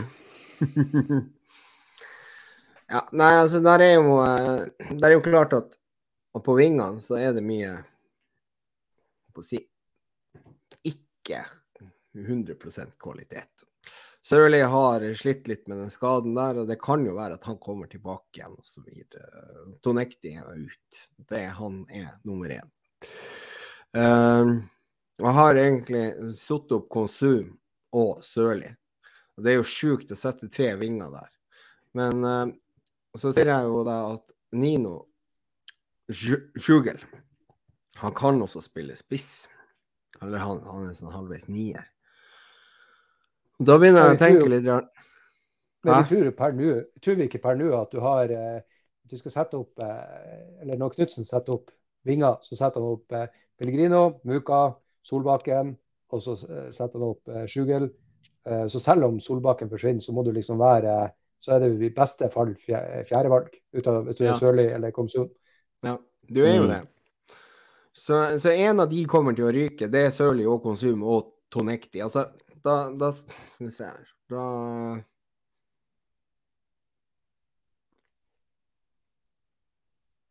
Da går jeg for Tonekti og Sørli. Konsum har fortsatt litt sånn X-faktor. Men allikevel, kommer det et bud på Konsum, så blir han solgt. Garantert. Uh, så Og så er det jo det at uh, jeg er jo også på det der at Nordås bør ha seg et lån, for uh, han bør spille fotball om han skal lånes ut i KBK eller Start, eller hvor han skal lånes ut. ikke sant? Nå får jo Braut eh, han eh, broren, lillebroren eller hva han søskenbarnet til Erling, eh, drar han ikke til godset? Var det sånn det var? Eller er det fortsatt? Det er i hvert fall uh, ryktes, i hvert fall. Ja. Så det er jo mange klubber som er på jakt etter spiss, også i uh, nedre del av Tippeligaen og Obos. Uh, OK, da, da, blir det Nordås, det blir uh, Sørli, og det blir Tonekti. All right, fra topp til bunn, Og så tar ja. vi bare den siste, bare den siste som hadde laga konkurransen her. Så, så, tar vi Men jeg er enig med Kvile òg. Jeg er enig med Kvile òg. Og så tar vi bare kjapt hvem dere tror som er for talent. Vi, vi tenker veldig mye sånn overgangsvindu og hvem skal vi kjøpe. Men vi har jo folk som kommer nedenfra opp også. tenker Da tar vi ett valg på hver. Hvem tror vi får eh, gjennombruddet liksom nå i august og inn i september ut av, ut av de som er i Glimt og er ung. Og jeg kan begynne her òg. Ja, men hvordan definerer du gjennombrudd? Hva, hva, Nei, det er jo litt, litt, sånn, litt yngre som ikke har spilt så forferdelig mye. Altså. Men, men der kan vi jo snakkes om liksom, litt ut i september. Det kan, det kan bli litt til etter hvert som, som ja. går, tenker jeg. Det blir vi enige om. Ja. Men jeg tenker jo Ask, da. Han begynner å få spilletid på, på venstre back. Og med Vetti ikke helt eh, frisk, og Hagen som er sånn, lugger litt i prestasjonene. Jeg tror plutselig så kan han begynne å lure seg inn og få spilletid også mot slutten av kampene på sentral midt, når han, når han får litt eliteserieminutter på venstrebacken først. Sånn på, på, slutten av kampene som er avgjort. Og så, ja, plutselig. Så han tror jeg. Ja, jeg eh, kan jo si det litt om Ask. Så var jo da Stian uh, i poden vår, så han satt jo uh, Vetti først på sentral midtbane. Og så satt han Nei, ikke Vetti, men Hagen først. Vetti nummer to og Ask nummer tre. Men Ask har venstrefot, og det er ikke mange mm. venstrefoter i denne troppen her. Stian mente jo også da at han kanskje kunne blitt lånt ut, men jeg tror ikke det er så lurt i forhold til det som han besitter, den skuddfoten og alt det der. der. Så tror du han Hva du tenker hvor, hvor han skal slå igjennom, da? Skal han slå igjennom på venstrebekken, eller skal han slå igjennom Nei. som som, som, anker, rett og slett. Han, er, han, han, har, han, har, jo en, Det ryktes jo at han har ikke fått sett så mye ut av en fantastisk pasningsfot, en voldsom frisparkfot. Og I tillegg så ryktes det at han er god fysisk og er litt sånn eh, type Morten Konradsen, Patrick Berg-gena i han. liksom sånn arbeidsmaur. Jo da, du, ser jo også på han at der, der er der er eh, mye fysikk også, så der, der er, jeg elsker jo den skuddfoten. Jeg hører jo eh, gjetord om at det dunker sin frispark på trening, så eh, Det så vi jo også. Ja. Eh, men så skal han jo bryte gjennom to for å få den plassen. Og jeg tror ikke han får den plassen så fort, men Nei. at han begynner å få en del minutter der. Det kan jo fort skje. Ja, riktig. Ja. Yes, Øystein. Ja, nei, altså Nå har jo Mvuka fått sitt gjennombrudd, på en måte, så det går jo ikke an å si han. Uh, og Elias spiller jo fast, og Isak er jo blitt Brønnøysunds Baresi. Uh, Så det er vel egentlig kun Altså, det er jo enten han Sugelli eller han Aska å velge mellom. så, så da skal, Altså, de unge spillerne som får sitt gjennombrudd, ja, det, da kan du jo si Salves nå, da, hvis du tar Sjugil. Eller Sjugil! Nei, Sjugil er jo 21, Salvesen er 26. Det er en viss forskjell der på hjernen. Um, nei, eh, jeg skal, jeg skal ja, ja, ja, ja, ja. Kanskje vi blir overraska over nye slovenske Ving. Så, så, ikke, så, så, bare for å ikke si det samme som Raymond, så sier jeg han Sjogel eller Sogel eller han Nino. Nino, fornavn. Vi er på fornavn. Nino, det er lett å si. Han, han Nino blir gjennombruddet i den kommende perioden. Jeg føler at du får litt lett for det. Det er den der, den der tror jeg du vinner. Men jeg vet ikke om jeg skal godkjenne det her, Rajo. Godkjenner du det? Vi tar en diskusjon i etterkant. Nei, i etter, jeg tror vi må ta den nå. Uh, men, okay. For ti millioner så må han gjøre det bra. Altså. Jo, men hvem andre er det? Det er nå for faen bare han, eh, han Ask og han Brynjar Jonsplass som, som, som, er ung og kan, og kan slå igjennom. Så det... Stian valgte jo han Sjøvold, da. Jeg har Sjøvold. Ja, Fredrik Sjøvold. Ja, Fredrik Sjøvold går an. Ja, ja, ja, selvfølgelig. Og grunnen til det er at vi sliter med å finne indreløpere. Og eh, ja, nå er jo Saltnes tilbake igjen. Men jeg tror eh, Sjøvold, Fredrik Sjøvold kommer til å vise seg i løpet av høsten. Eh, kanskje ikke i eh, Champions League, men i, når vi skal spille Champions League. Eller, men i Eliteserien. Jeg tror uh, vi kommer til å få en del friske innhopp og kommer til å se det her uh, Sug elg, ja. Beklager. Det var, jeg blir så distrahert i de kommentarene. ja, men det kan godt hende at han Jan Ivar eh, Jacobsen hjelper oss med uttalen her. Sug elg. Det er jo jeg, jeg, er jo, jeg, er jo, infantil og barnslig nok til at jeg syns det der er fantastisk artig. ja, det er jo det. Det, det er jo veldig morsomt. Uh, OK, mm. men, uh, men allikevel så, så, så, er mitt, mitt, tips det er at uh, Fredrik Sjøvold kommer til å spille en del eliteseriekamper, gjøre det veldig bra, kommer til å få noen mål i løpet av høstsesongen. Og det trenger ikke være nå i august. Men... Der, der så du spiller som var og var glad for å spille for Glimt. La dere merke til kroppsspråket? Det så ut som han, han har vunnet et års forbruk av smågodter. Skal vi se Ja. Jeg satt og tenkte, Vi har jo prata en del om, om overgangsvinduene, om vi skulle prøve oss å få litt mer eh, morgendagens kamp også. Og så leter jeg etter et spørsmål fra, fra Kim Erlend Rye. Eh, hvor i faen ble det av? Han hadde jo flere spørsmål, men jeg skulle ta det et av de første han kom med. Uh, det her er bra radio. Er det den her? Uh, ikke den. Nei, men i hvert fall, det var noen som hadde spurt oss om, uh, om forventa lagoppstilling i morgen. Det syns jeg jo er, er interessant. for vi har jo nettopp vært gjennom en kamp mot Ålesund. Har jo egentlig satt laget, kanskje. Har vi det?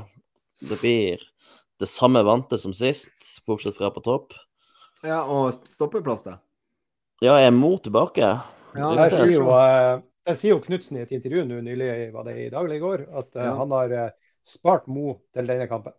Du kan ikke ja. være med i en podkast om Glimt og ikke vite det. Nei da. jeg har begynt på jobb igjen, så Nei, da, er det ute igjen. Okay. Ja, men, uh, men, det er jo interessant, for da også har vi jo momentet hvem spiller høyreback og hvem spiller venstreback. Eller altså blir det Samsted og, og Bris, eller blir det Høybråten ut på venstre, med Mo inn i lag med Brønnøysund Sparesi? Ja, men la oss si, hva har du lyst til, da?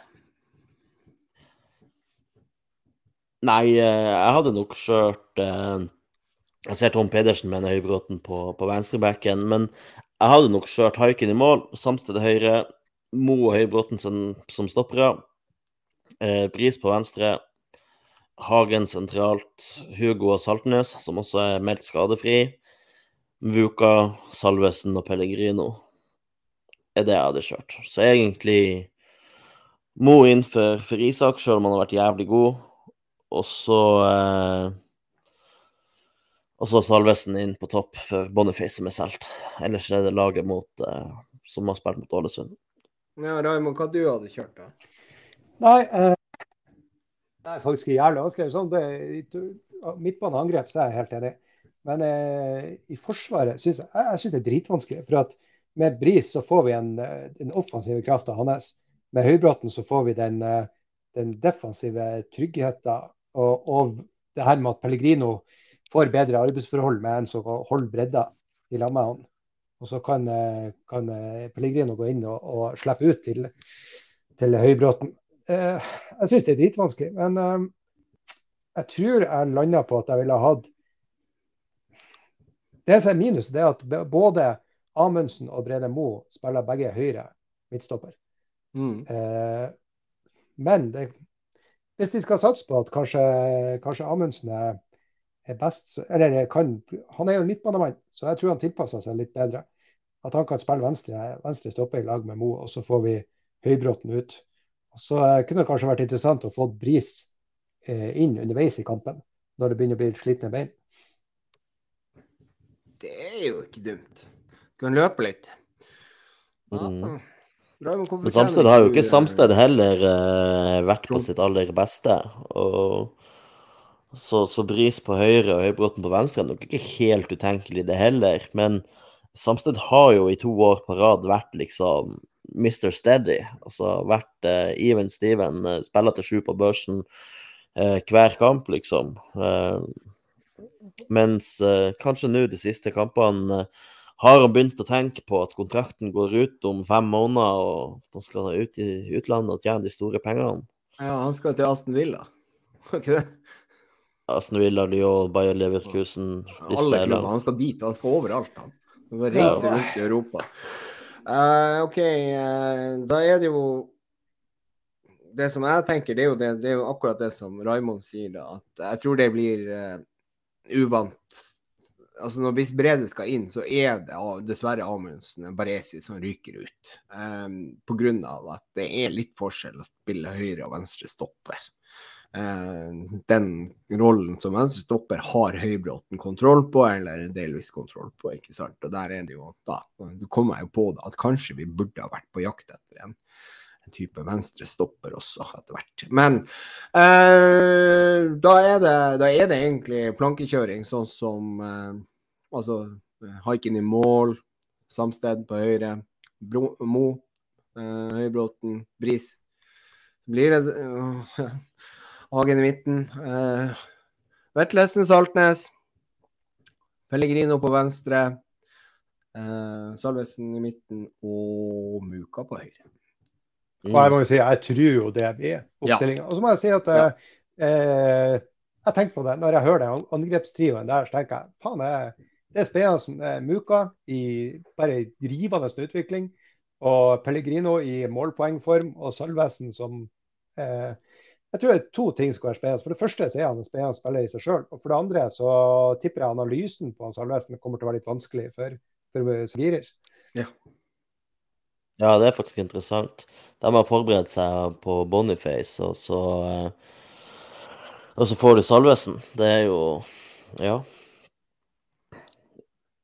Men uh, det var jo ei trekning i dag også. På hvem vi skal møte i, i en playoff, eller det, det Ja, nå var det, det skal ikke vi begynne å si 'skal møte'. Det er en vinner av det her oppgjøret møter det eh, eventuelt. Vi, vi er supportere, så vi kan, vi, kan, vi kan, forskuttere resultat. Um, for, Kim, sånn Kim var det ikke sånn at vi skulle møte en av de lagene uansett? Misforsto jeg nå, eller hvordan? Nei da, vi, vi, skal det. For, for trekninga til, til playoff er at vi møter vinneren av Ludo Goretz og Dynamo Zagreb.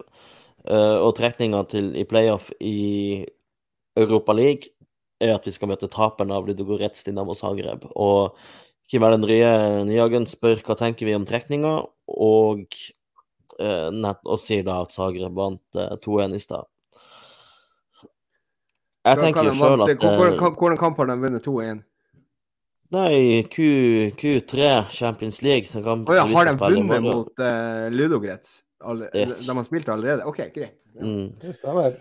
Ja, det er jo interessant. Eller, det er jo Altså, det er jo egentlig Zagreb, Zagreb er jo den sterkeste, og definitivt sterkeste laget her. Og at de kanskje at de vant 2-1 er jo fint. Ja, men det er veldig Zagreb skårer etter seks og ni minutter. 2-1. Mm. 2-1-seier. Nei, jeg, jeg er egentlig sånn Jeg er ganske fornøyd med trekninga, egentlig, Kim. Uh, jeg tenker det er greit å slippe Røde Stjerne. Uh, og det er egentlig greit å slippe å København også, selv om jeg, jeg tror kanskje vi hadde slått København, men så er det Hvis vi hadde hatt bortebane sist uh, og skulle dratt ned til et eh, kampstemt eh, Parken i, Ja. i København, så, så tror jeg kanskje at vi hadde fått det tungt. Og, og der var det jo Det var et, veld, det var et tidlig spørsmål eh, fra eh, Håkon Sommerseth. Eh, hvorfor har vi sett to så ulike utgaver av Glimt borte og hjemme i Europa i år? Eh, og er vi avhengig av et ballresultat eh, hjemme i morgen for å gå videre? Ja, vi, vi hopper jo rett inn på overgangsvinduet og ikke så mye kamp i morgen. Så håper jo Håkon at du, du fortsatt ser på, eller at du hører det på poden. Det var Jeg har en teori der. Ja. Den første kampen, altså bortekampen som vi hadde, det var jo mot uh, Klaksvik. Klaksvik. Der leda vi 3-0 på hjemmebane, hadde full kontroll. Uh, jeg tror ikke guttene var påskrudd i det hele tatt. De tenkte at det her går av seg sjøl. Og så blir det bare ræv, hele opplegget. Mm. Uh, og egentlig litt samme når du kommer til Linfield. Der var det en ræva bane, var ikke det? Nei, det var, nei, den var god. Hvordan var den? Er tørr, ikke vanna. tørr. Ja. Mm. Uh, men uansett så, så tror jeg det har, det har med det her mentale, og så skjerper man seg når, uh, når det begynner å dra seg til. Og nå vet man at det her det kan ikke ligge og, og, og rulle på banen der uh, det første kvarteret og bare surre. Nå er det kamp fra første sekund, og det står jo så sinnssykt mye ære og millioner kroner. Så det her eh, Jeg tror det ligger der. Eh, jeg har liksom ikke noen andre forklaring på at du går fra, fra 0-1 til 8-0. Ja, det er sant. Nei, det ligner jo veldig på en, men- en mental greie, da. Det, er jo ikke, det, er jo, det, er jo, det er jo ikke noe sportslig sammenheng mellom det, som du sier, å tape 1-0, og så går det noen dager, og så vinner du 8-0. Det er det er greit, de, får- de får, Linfield får en mann tidlig utvist, og sånn men, men de, de er jo aldri i nærheten på oss fire. Uten å ta noe ære for det her, så er det jo litt bemerkelig at vi, vi, vi hadde 13-0 de to første kampene etter at vi snakka om kultur. Ja, det, det kan jo være helt tilfeldig. Det kan være Um, Jeg ser uh, Tom Pedersen sier at uh, Zagreb er tøft. Det trykket i Kroatia blant nesten 40 000 kroatere frykter. Og jeg tror jo at vi må jo opp på eh, Glimt 2020, det beste vi gjorde i fjor høst i 2021 i Europa, skal vi slå ut Zagreb. Eh, det, det nøtta ikke komme med en sånn prestasjon som vi gjorde mot Ålesund, selv om jeg mener det var en sterk prestasjon sjøl. Altså, kampen var bra, vi burde ha avgjort han, vi burde ha drept han, men vi klarte ikke å drepe han. ikke sant? Så det ble bare 2-1, og, og det levde til siste slutt. Kallevåg bomma på åpent mål i det 85.-86. noe sånt. Um, så, så jeg tror Glimt har muligheten til å slå ut Dynamo Zagreb, men da må vi være på vår aller, aller, aller, aller, aller beste. Altså, vi snakker det, det nytter ikke å komme og gjøre en Ålesund eh, eller en sånn type Odd Grenland-kamp igjen, ikke sant? For da, da er vi på hodet ræva ut, og da er det Europa league. Ja, men også, Um, tenk Det hjelper for ikke å gjøre det selv. Tenk nå på temperaturen i Zag- Zagreb, hva det kan være der. Det Ja, kan det jo blir sånn som det 40 var grader. da vi møtte Legia Warszawa. Warszawa. Ja. Så eh, da er det jo eh, Man må jo egentlig begynne å forberede seg på noe sånt også. Så eh, Men hvordan er, hvordan er trekt, altså er det trukket hvem som spiller hjemme først i de kampene? her. Glimt hjemme først. Ja, OK. Ja, det er egentlig litt det jeg, litt det jeg frykter. For at hvis Glimt får et godt resultat hjemme og, og kommer ned til, til Zagreb, og så skal de altså de blir på en måte litt uh, Muligens da er de tvunget til å prøve å forsvare seg på noe. Det, Det er jo Nei, ikke det, altså, da, da, må, da går det ikke. Så vi må jo bare angripe uansett. La oss si at du kanskje ja, leder 3-1 hjemme. Da. La oss si det scenarioet. Så må du bare fortsette å spille ditt eget spill. Det hjelper ikke å legge seg bak mot 40 000 i 40 grader. Det går ikke. Nei, men det, det ligger ikke i, i Det ligger ikke i Glimt heller å gjøre det. Og, og Kjetil Knutsen kommer til å spille Bodø-Glimt-fotball uansett hva stillinga er fra, fra Bodø. Og, Men, men det er jo sant Kim Ellen Ja, altså, Vi må ikke glemme at det er jo Jeg, Ja. jeg tror ikke at vi skal mure, igjen, men at det kan fort være en sånn kamp at eh, hvis det da står mellom Høybråten og Bris på venstre back, så blir det Høybråten, tenker jeg. Ja, sånn sett, ja. ja. Det er nok ikke feil. Men vi må jo ikke glemme, som Kim Erlend sier, at det, det er jo under et halvt år siden vi slo Celtic, altså etter Roma. Uh, og vi har jo en sterkere stall nå enn da. Sykt å si det, men, eh, men, men det ser jo sånn ut. Eh, eh, I hvert fall eh, fra så må ikke folk tro at jeg sier fra Roma 6-1 hjemme. Jeg tenker Roma 2-1 hjemme i kvartfinalen, første kamp. Eh, fra, fra da hvor mye tror dere det har å si, det her eh, kunstgressfordelen? Altså når du ser på de europeiske lagene, så det er jo veldig få som har mye erfaring på kunstgress. Og jeg, klarer, jeg driver ennå og humper rundt i, i femtedivisjonen. Altså bare det ulike kunstgressbanene. ikke sant? Og du kommer, Vi spiller en kamp i året på, på Aspmyra, vi òg. Og det er jo et langt kunstgress som er, som er veldig forskjellig fra andre kunstgress. Eh, og det er jo en sånn, De forskjellene der det vil jo ikke de europeiske spillerne være så oppdatert på, kan du si. Og Du ser jo sånn som Roma, som ikke valgte å trene på kunstgresset før de spiller kamper. Så det, det der tenker jo jeg kan gi en, egentlig Glimt en veldig stor fordel. Ja, det er klart at kunstgress er en fordel. og Det så du vel også kanskje eh, Young Boys spiller jo på kunstgress. De spilte jo Champions League. mm. Uh, Nå husker jeg ikke hvordan det var med hjemme borte der, men uh, de snakka jo om det, de lagene som skulle dit, at det var spesielle forhold og kunstgress og så videre. Så Jung, Jungboys har en tendens til å spille uavgjort Nei, å vinne eller spille uavgjort hjemme, og stort sett ta borte og ha en hel uavgjort bort. Altså hjemme, vinne eller uavgjort, og så stort sett tapen har en hel uavgjort eller to borte i Champions League. Men eh, altså Ja, ballen går nok litt fortere på kunstgresset, og, og Glimt også vanna det kunstgresset ekstremt før kamp, så det, det er nok uvant. Eh, men jeg tenker man må jo bare bruke det til den, den fordelen man, man kan få. Det er jo sånn, det er jo lag i Norge, eh, Brann, som på hjemmebane mot Glimt i 2020 har gresset på så langt det er lov å ha, Ja. og som ikke vanner baner. For at gå, ballen skal gå sakte, og de skal ha mulighet til å henge med.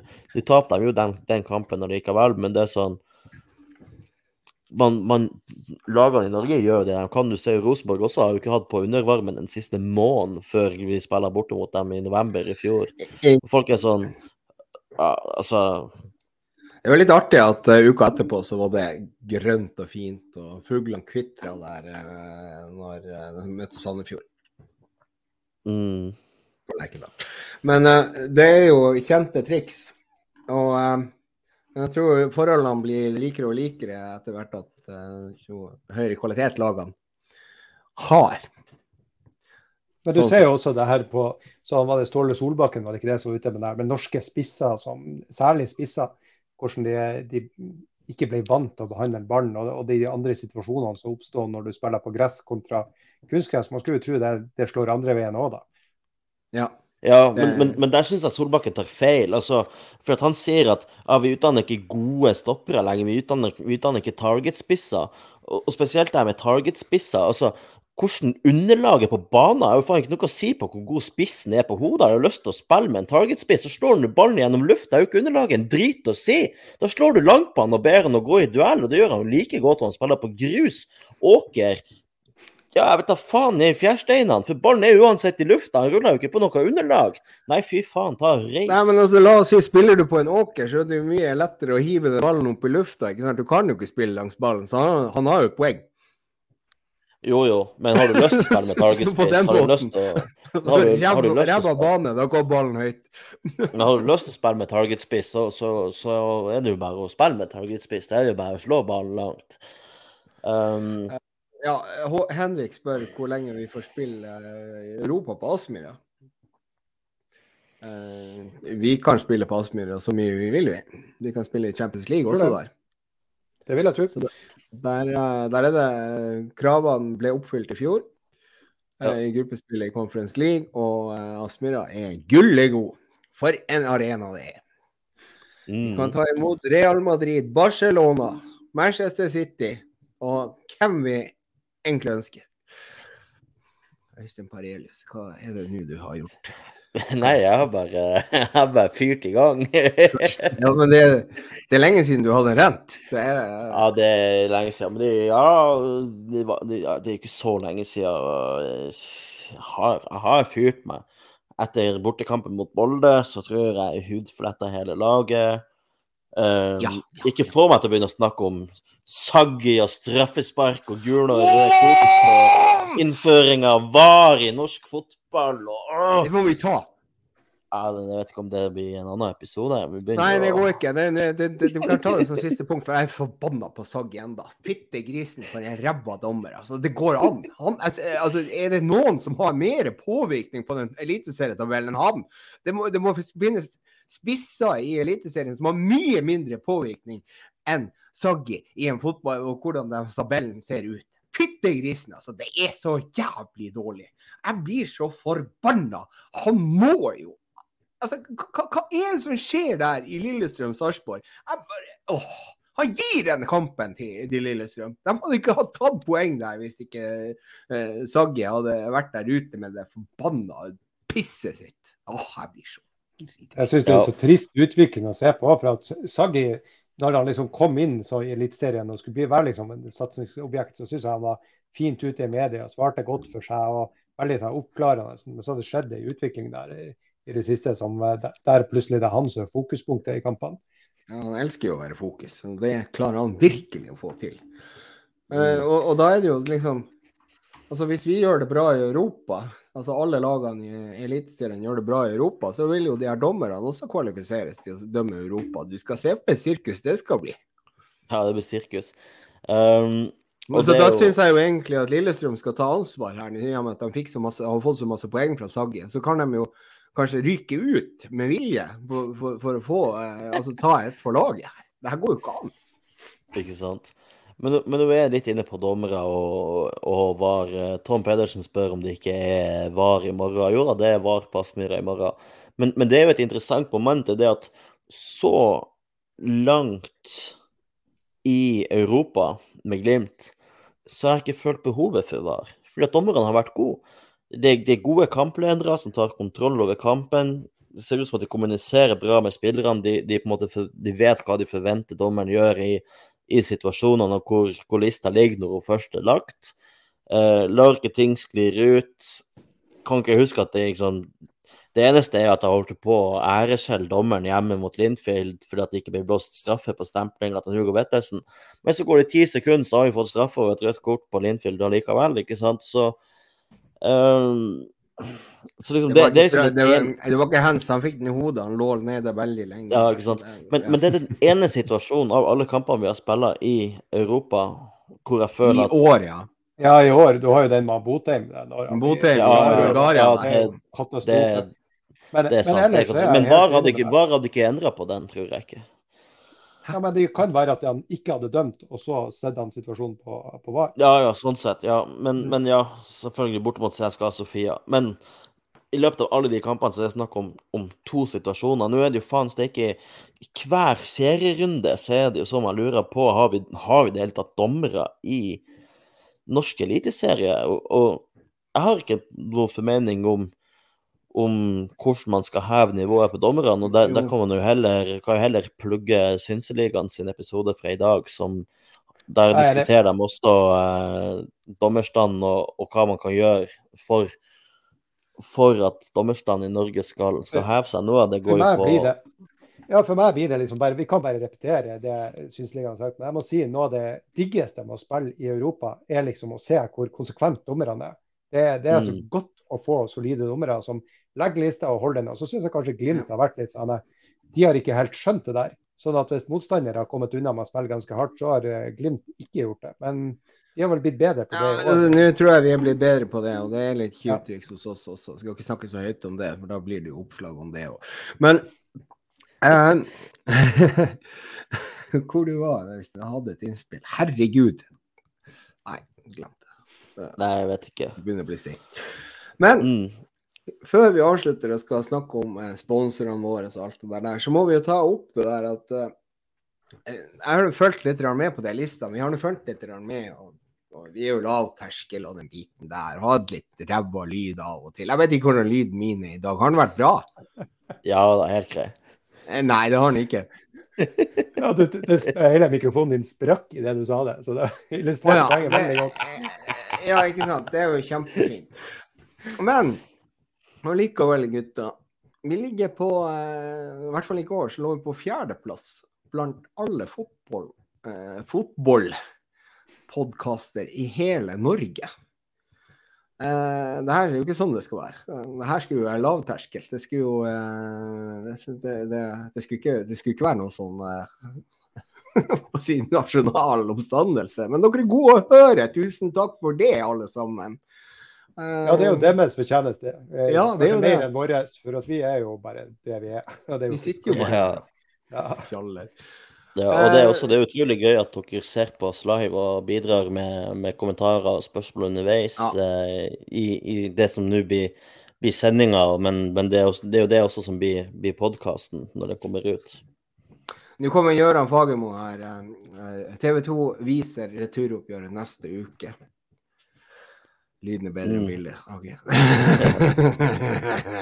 Det er spørsmål til Trond-Viggo Andersen uh, hvor det vises, og da kommer Gøran Fagermo og sier at det er, en, det er TV 2 som viser det. Det var jeg faktisk ikke klar over sjøl, det, det er. Er det, er det. TV 2? Gøran bruker ikke å ha 100% kontroll hver gang. Så det, men eh, jeg, jeg stoler på deg, Gøran. Gøran spurte også hva med lønna til Pellegrino. Den var ganske høy når han kom, ja det var den. Men nå skal den være på det nivået som de andre Glimt-spillerne har, bare for å ha svart på den, uh, har jeg hørt. Ja, det, det var en grunn til at uh, det tok litt tid med kontrakten. Skyt inn en ting der. Uh, Ja. Jeg tenker jo at eh, det her overgangsvinduet kan jo også være eh, vise litt magefølelsen til Knutsen i forhold til om Pellegrino forlenger eller ikke. Hva du sier du? En gang til. Nei, altså, jeg, jeg tror jo Hvis Knutsen hadde trodd at Pellegrino er ferdig i Glimt til nyttår, Ja. at han ikke vil forlenge, så tror jeg kanskje han kommer til å være mer aktiv på overgangsmarkedet på å få inn enda flere vinger, kontra hvis han tror at Ja, det er akkurat Pellegrino det. kommer Ja. til å Så jeg tror vi får et sånn lite signal nå på Pellegrino allerede nå. Ja, så kommer det venstrevind inn, så er, det, så er det ikke forlenging. Er det det du tenker? Eh, At de i hvert fall ikke føler seg helt trygge på det. da. Nei, men altså, Det jeg er klart, Bruker vi ti millioner til på en ving, så ser du dårlig. Går vi videre i Europa eh, i et eventuelt gruppespill, så blir Pelle med. Pelle slår meg som en fyr, fyr som Hvis han har det bra, så tror jeg han har lyst til å være. Det virker som han har det bra. Mm. Ja, og Ja. det virker som at han, han sier jo også at familien trives i Bodø, så det er jo fantastisk. Absolutt. Ja, nei, men da eh, tror jeg kanskje vi skal gå inn for landing. Eh, han, han Jørn sier at de må annonsere eh, torsdagens spesialepisode om sanger mellom underlag og hodedueller. Men før den tid så regner jeg med at vi har podda i morgen. Forhåpentligvis en gledespod, en europeisk eufori. Åh, jeg gleder meg til europakveld på Aspmyra. Selg ut Aspmyra, alle sammen. Ta med dere en venn. Kle dere i gult. Syng dere hæs.